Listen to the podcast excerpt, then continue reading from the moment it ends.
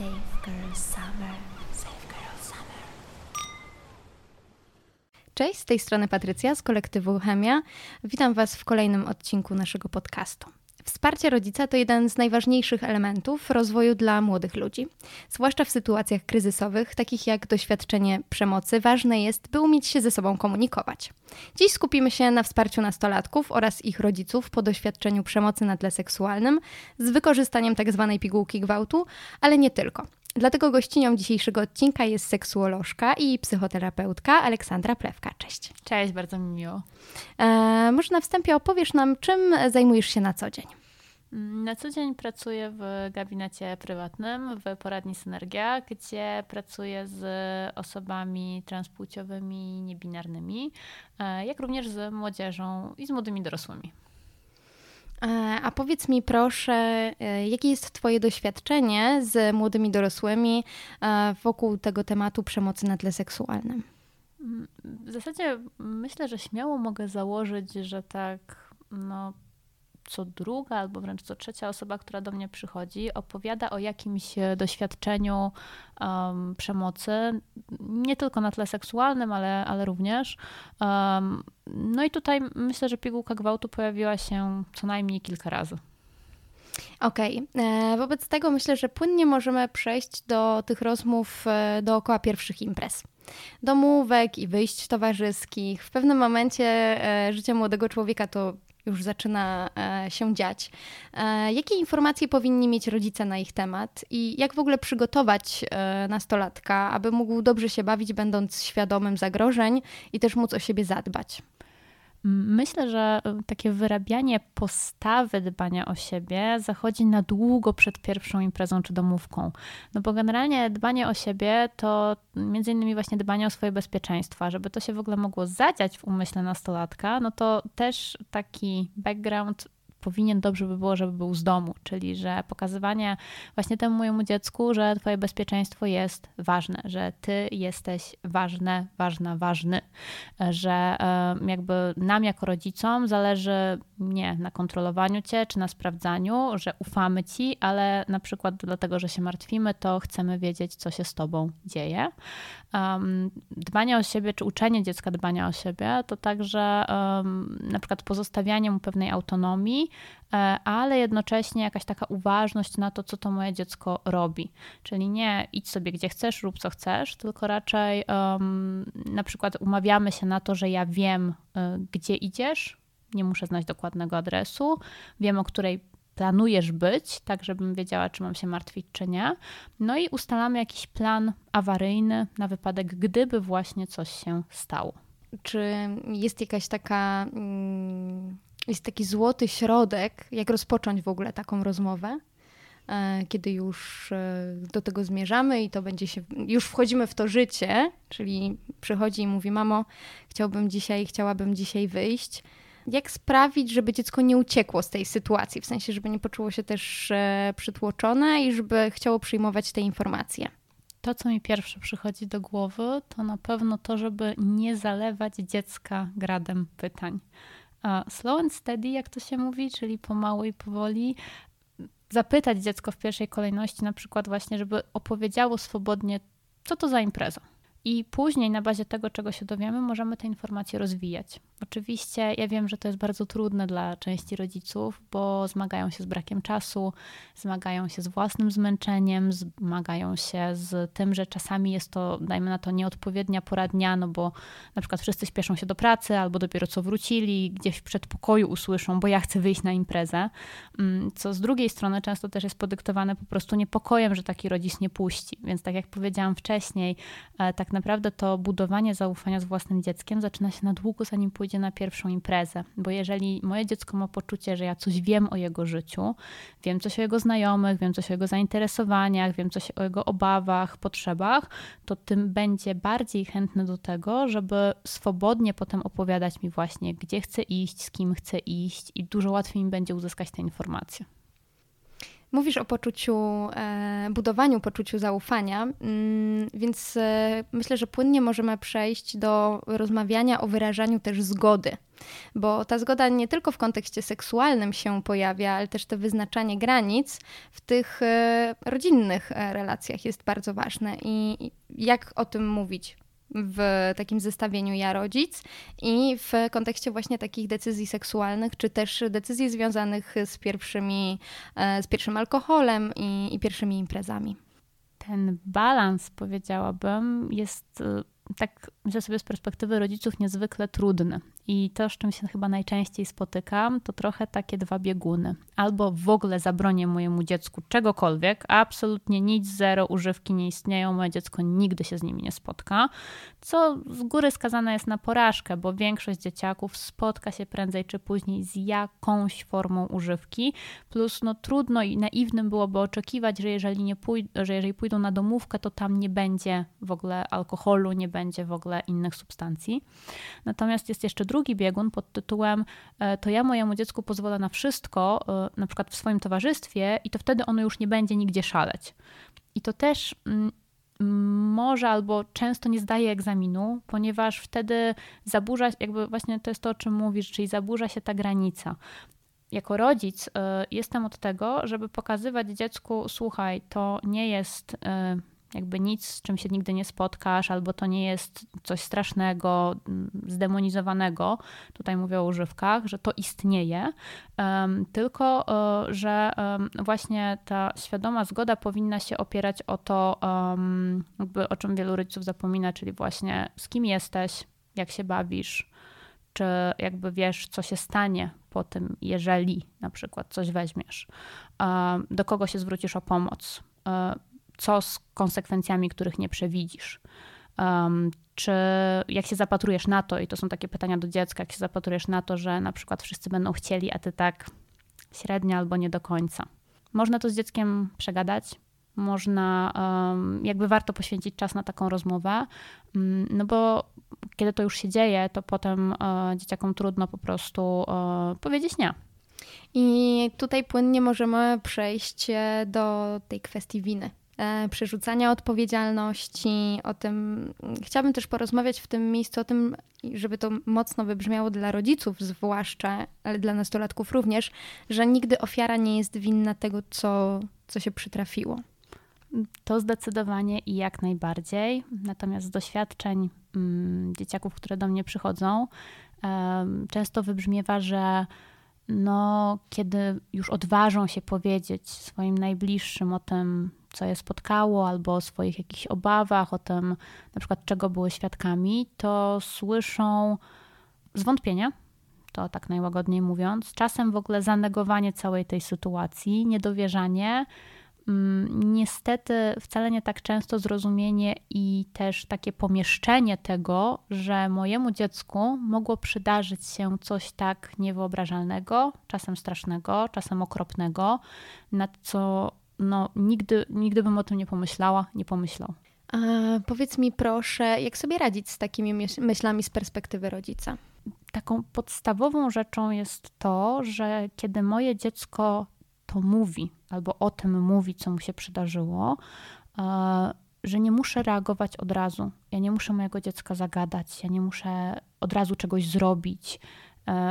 Najpierw takim, powiedziałabym, pierwszą rzeczą jest to, żeby to mogło po prostu wybrzmieć. Czyli moje dziecko mi o tym mówi i ja nie zadaję 140 pytań, ale z kim, ale jak to, ale po co, dlaczego, a e, w ogóle co ci przyszło do głowy i tak dalej.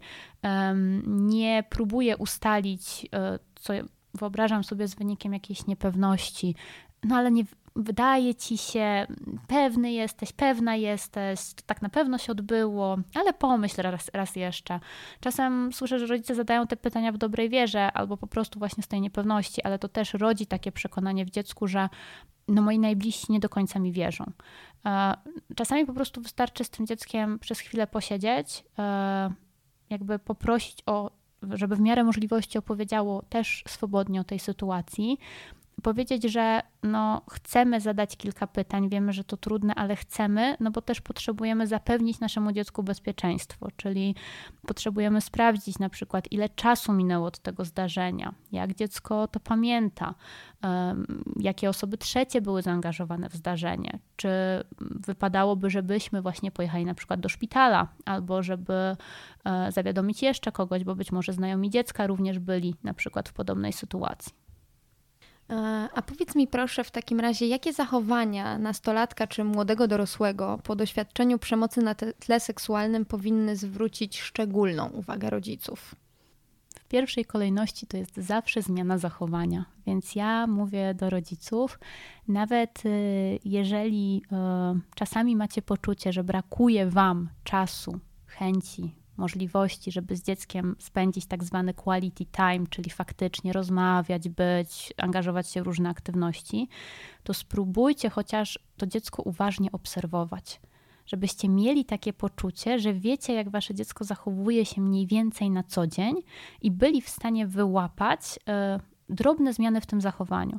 Na przykład y, większe izolowanie się, kończenie z ulubionymi aktywnościami, zmiany w jedzeniu, zmiany w śnie, czyli na przykład rodzice czasem w ogóle nie są świadomi tego, że ich dziecko od kilku nocy nie śpi albo na przykład nie je.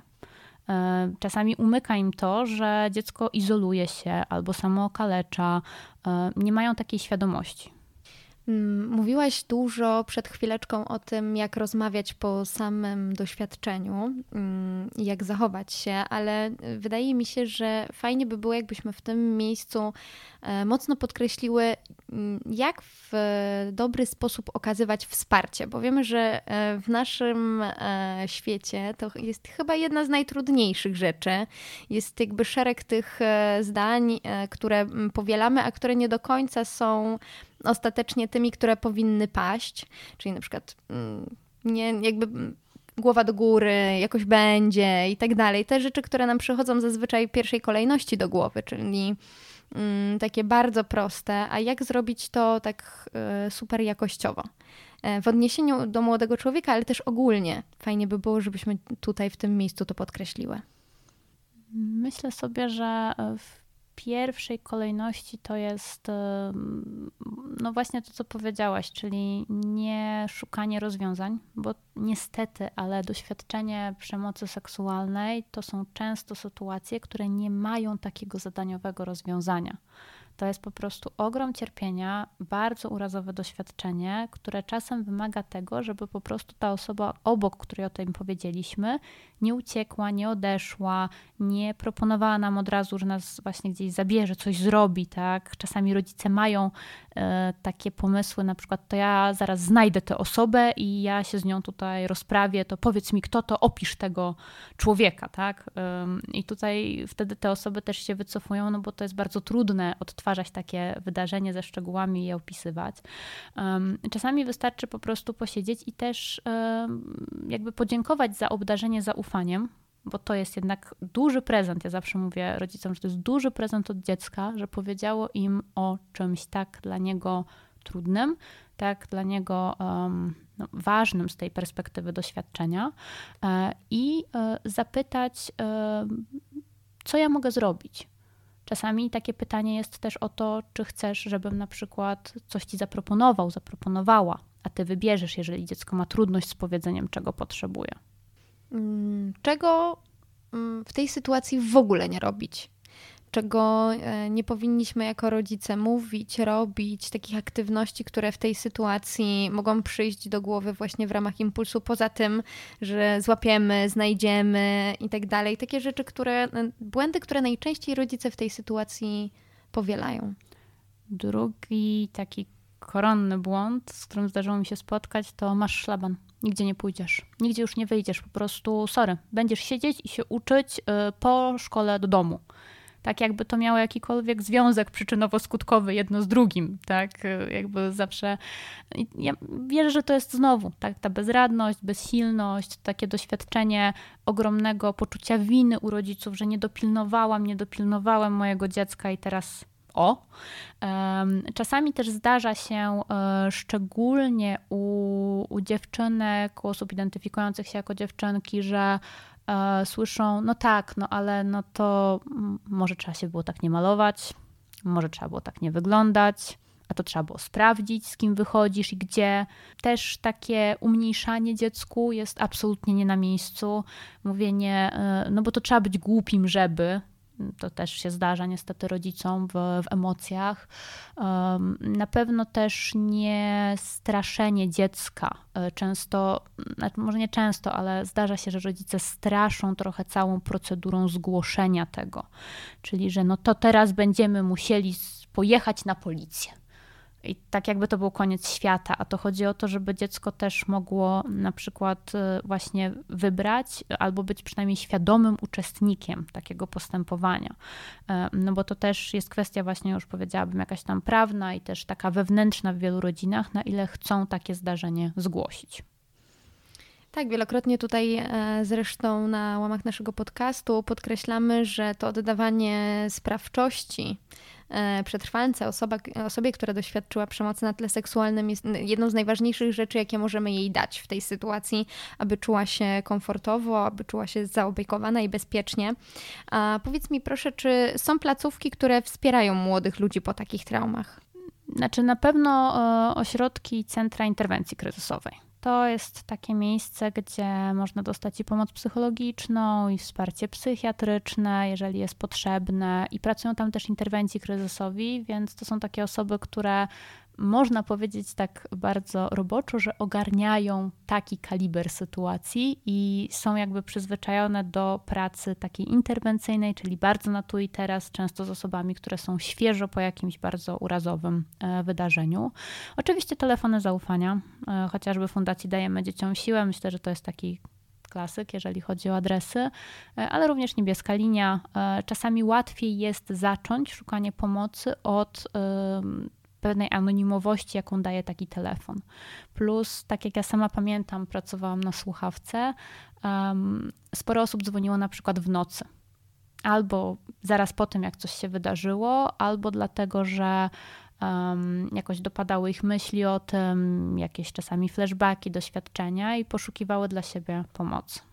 Gdzie nastolatek może się zwrócić sam? Bo rozumiem, że oczywiście te wszystkie anonimowe miejsca, telefony interwencyjne to takie przestrzenie, do których e, nikt nie sprawdza metryki, w mhm. których można wygadać się e, zupełnie anonimowo. Natomiast czy takie placówki, do których trzeba pójść, czy, czy tam musimy, musi taka młoda osoba zwrócić się wraz z rodzicem, pełnoprawnym opiekunem? E, jeżeli chodzi o ośrodki interwencji kryzysowej, centra interwencji kryzysowej, to one będą chciały powiadomić rodzica. To nie jest tak, że ktoś zatrzaśnie drzwi przed nosem i powie, nie będziemy z tobą rozmawiać, absolutnie.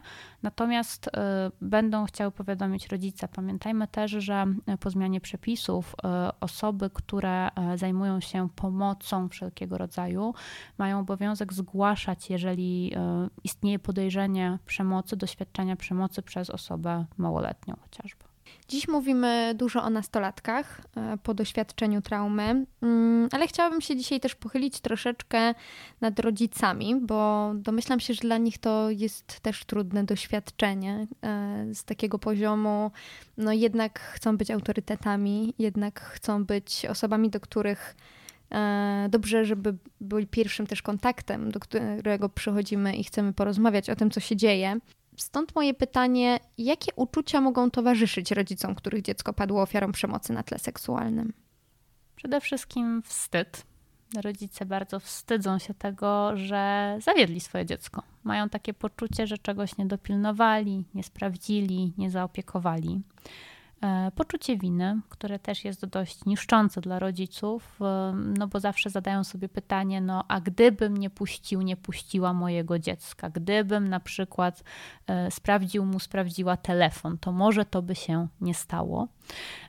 Też takie niedowierzanie, myślę sobie, bardzo duże zaskoczenie, nadal dla wielu rodziców zaskakującym jest to, że ich dzieci mogą wiedzieć cokolwiek o używkach, o seksie, że mogą w aktywność seksualną być zaangażowane czasem bez wiedzy rodziców. E, mm, I, I, to jest coś takiego, co jeżeli ujawnia się w, takiej, w, w takim kontekście, jest dla rodziców zawsze takim no, dużym szokiem i to tym z gatunku nieprzyjemnych.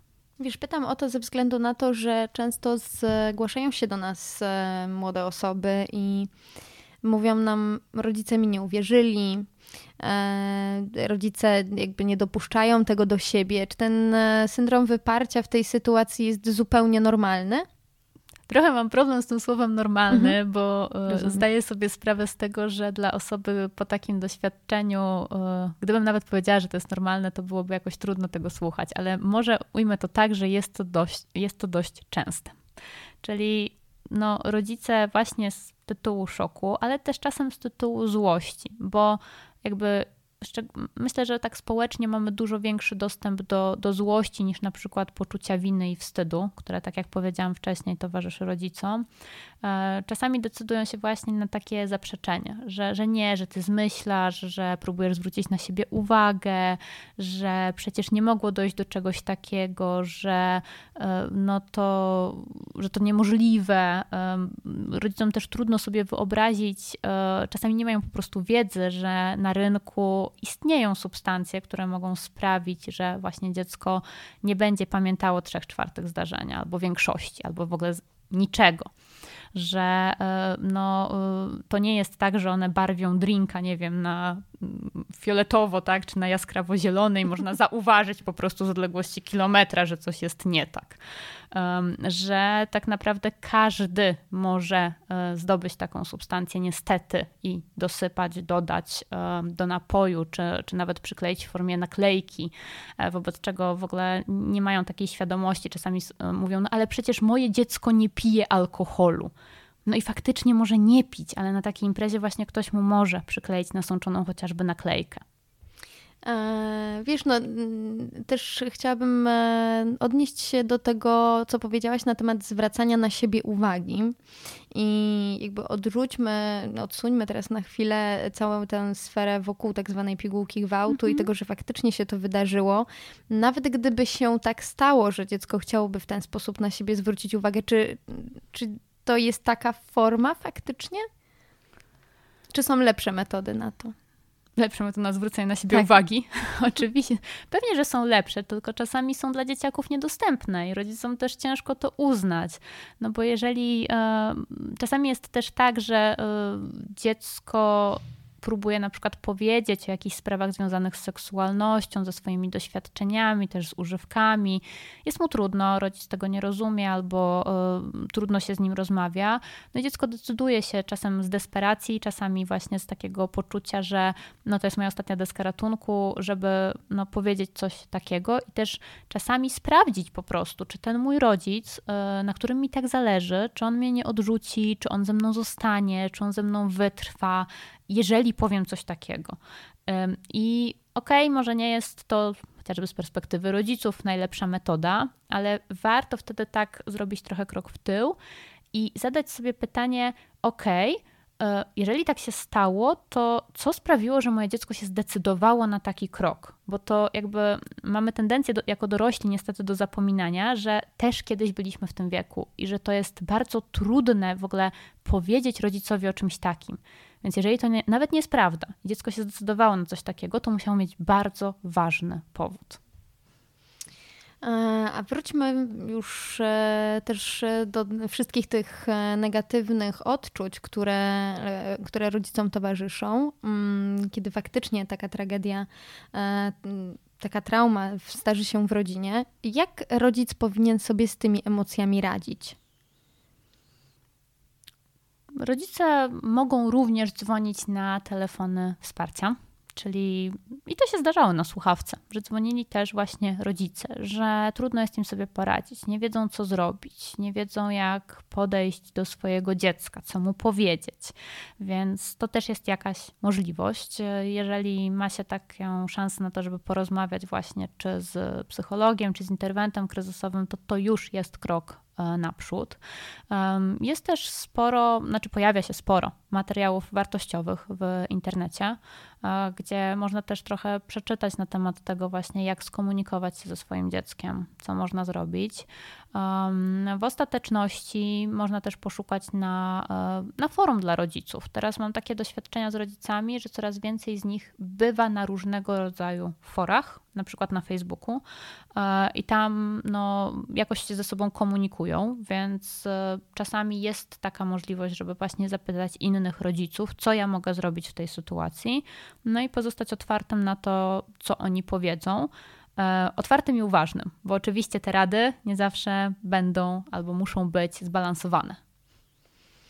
A co z tymi rodzicami, dla których e, taka informacja jest końcem świata?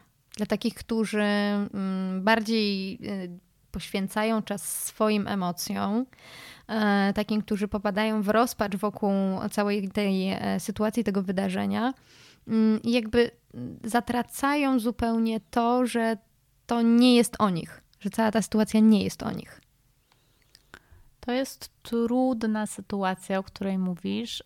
Ja sobie myślę o tym w ten sposób, że mm, nawet jeżeli mamy bardzo duże emocje wobec jakiegoś wydarzenia, to te emocje zmienią swoje natężenie prędzej czy później. I kiedy one choć trochę opadną, to dobrze byłoby zastanowić się właśnie, jakby jaka to jest sytuacja? Czy to, że ja na przykład będę właśnie rozpaczać, czy płakać, czy krzyczeć nawet, czy to zmieni sytuację mojego dziecka?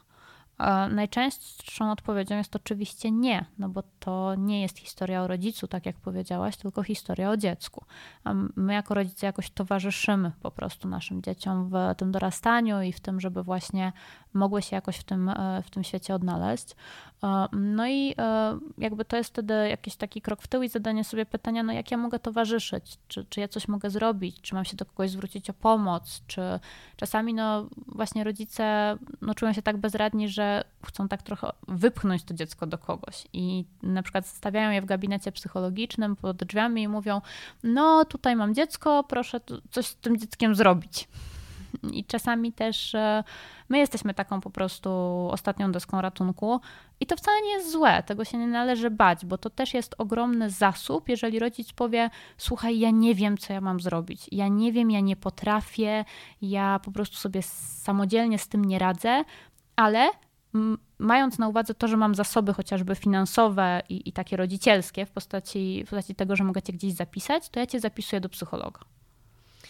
Powiedz mi proszę, mm, bo to też nie jest tak, że, że te wszystkie zachowania to są złe intencje. One też wynikają troszeczkę z tego, że nasi rodzice nie mają takiego, nie mieli takich e, narzędzi ich rodzice również tych narzędzi nie mieli, jakie mamy dzisiaj. Internet, e, telewizja, mamy takie podcasty jak ten, w których e, o tym się mówi.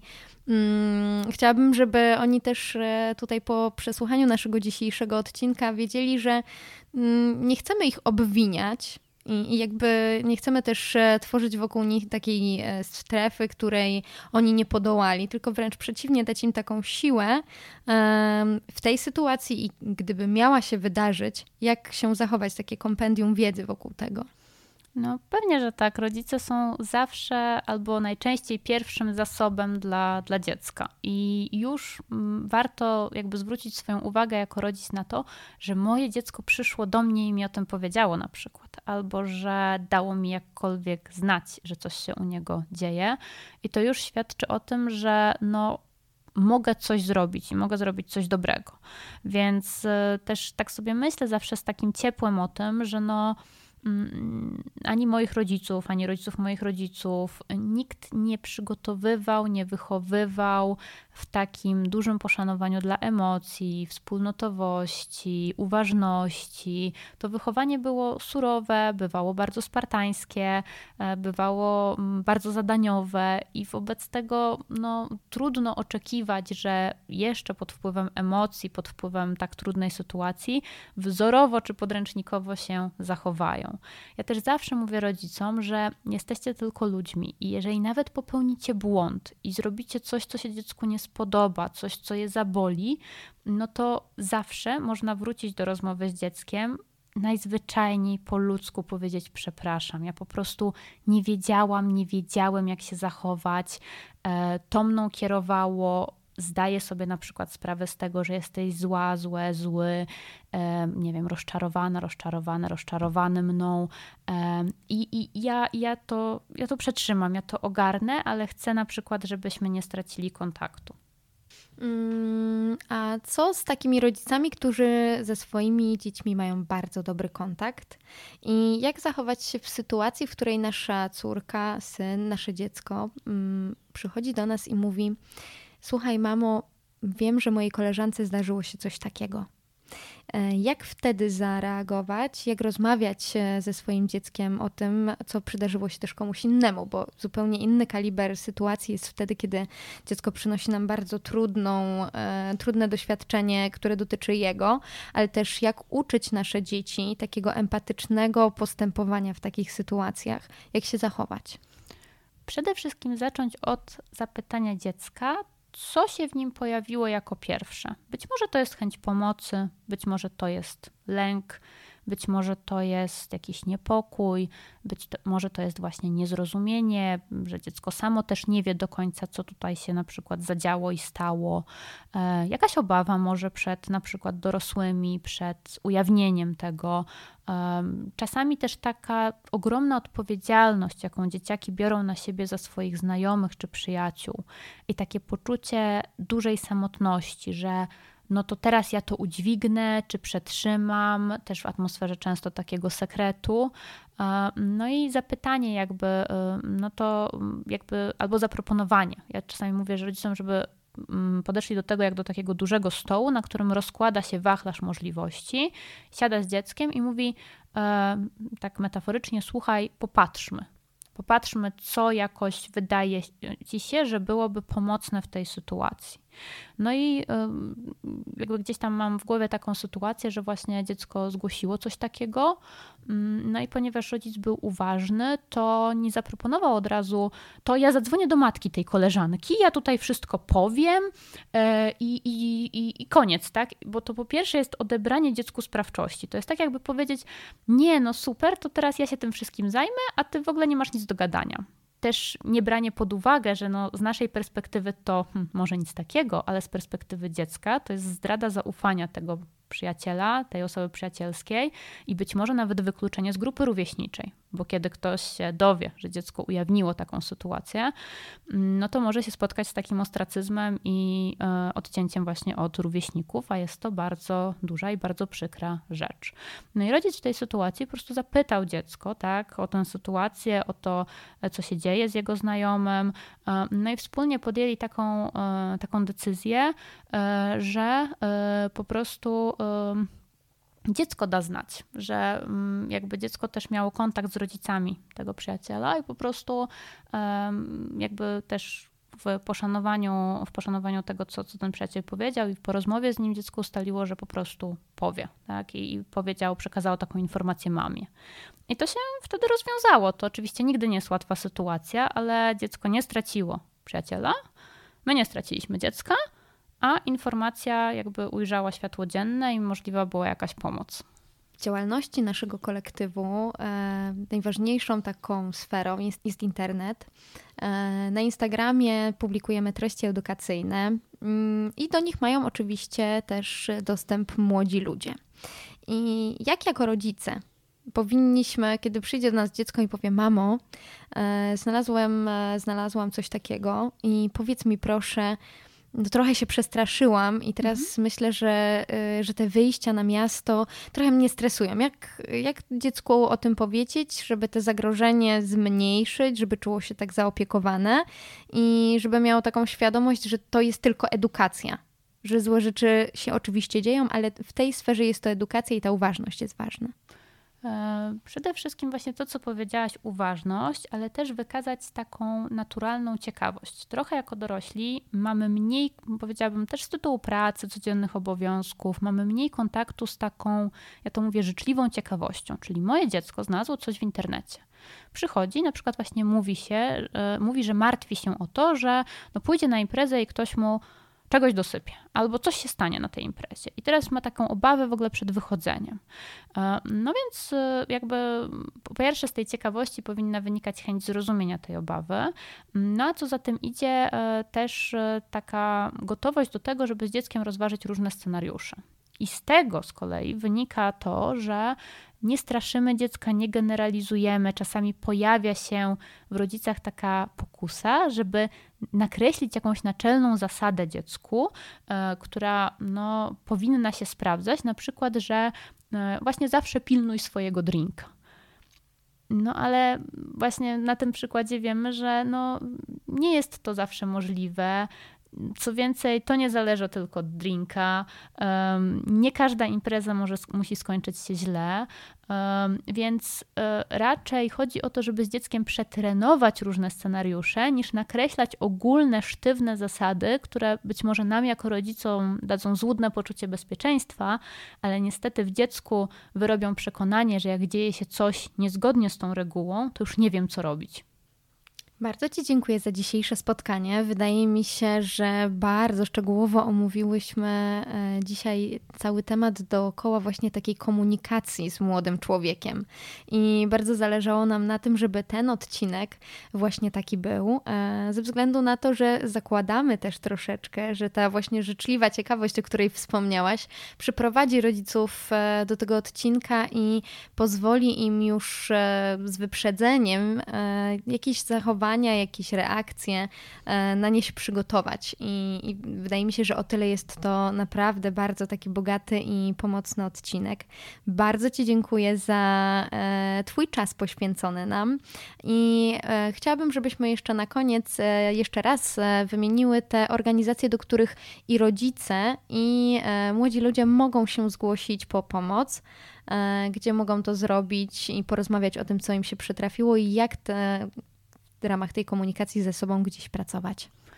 Ja również bardzo Ci dziękuję. E, I jeżeli chodzi o tę organizację, no to Fundacja Dajemy Dzieciom Siłę, oczywiście. Pogotowie dla ofiar przemocy w rodzinie Niebieska Linia chociażby. E, telefon Fundacji Sext, też e, związany z przemocą seksualną. E, i warszawskie ośrodki interwencji kryzysowej, albo w ogóle ośrodki i centra interwencji kryzysowej e, dla jakby danego miasta, danej gminy, gdzie też większość z nich ma swoje strony internetowe i można po prostu poszukać, czy dyżurują, czy mają aktywny telefon, jak można umówić się na konsultację. No i myślę, że dobrze by było, żebyś nam teraz też powiedziała, gdzie nasi słuchacze i słuchaczki mogą znaleźć Ciebie. Mnie przede wszystkim można znaleźć na stronie poradni Synergia. Tam można przeczytać moje bio i można zobaczyć, z kim pracuję i w jakim e, nurcie. Super, jeszcze raz bardzo Ci dziękuję. E, wszystkie informacje, wszystkie miejsca, do których możecie się zwrócić, znajdziecie również w opisie naszego dzisiejszego odcinka, tak aby każdy z dużą łatwością mógł mieć do nich dostęp. I do usłyszenia. Safe Girl Summer.